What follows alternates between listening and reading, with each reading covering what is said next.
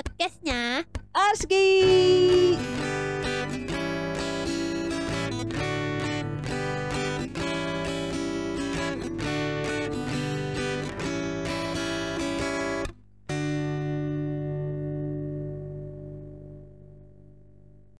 Ya cuman gue maksudnya ya satu mimpi gue menjadi atlet atlet pelatnas belum belum tercapai itu membuat gue kayak sayang aja. Cuman ya gimana ya bidang gue kuliah iya masalahnya gue bukan anak mungkin akan berbeda ceritanya kalau gue kuliah olahraga. olahraga.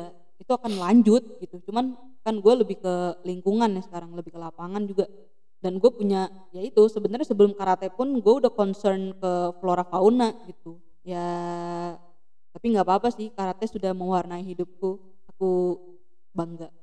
Ya mungkin kayak gitulah kalau untuk bicara soal karate dan sedikit cerita dari gua sama Ari ya ini mau sharing aja sedikit sih bukan cerita-cerita yang pengen apa-apa. Terus lu sekarang barang-barang karate masih ada ri? Oh, banyak. Sabuk tinggal satu. Tapi apa eh, alat-alat tanding lu lagi dipinjam sama adik-adik ya? Beben semua. Kalau gue sih baju tanding gua satu udah dijual satu lagi dipakai yang lain. Adidas aja masih ada. Baju arisan.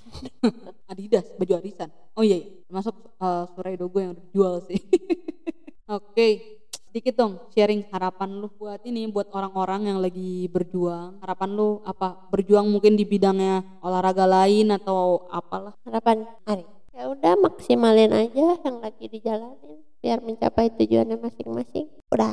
Kalau gua buat siapa pun yang lagi berjuang yang lagi punya mimpi sih. Kalau emang mimpinya kayak gua waktu itu ingin menjadi atlet nasional yes. Yang tadi kata Ari bener. Jangan berhenti selalu tingkatkan niat dan tekad. Terus eh, cari referensi yang banyak orang-orang luar negeri kek orang-orang dalam negeri. Entah itu kalian pengen eh, apa di bidang apa pun lah. Entah itu karate entah itu apa tetap eh, buat otak lu tuh terbuka gitu. Bahwa apa yang lu lakuin sekarang tuh belum cukup. Lu harus tambah terus referensi biar lu juga berkembang gitu. Jangan cuman ngotakin di tempat latihan lu aja gitu. Lu juga kali-kali main kayak ke dojo-dojo lain kalau untuk karate ya atau sanggar-sanggar lain kalau untuk tari atau apa gitu sih. Karena jangan cuman lihat dari diri lu. Udah gitu yang bisa lihat keseluruhan itu bukan diri lu doang tapi orang-orang di sekitar lu juga harus ngelihat dan min- dan lu harus minta buat bantu evaluasi itu sih.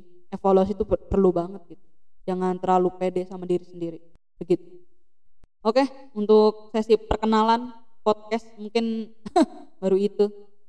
Ya semoga bisa menghibur lah dan memberi informasi sedikit tentang kami. Oke see you. Bye bye podcastnya Arski.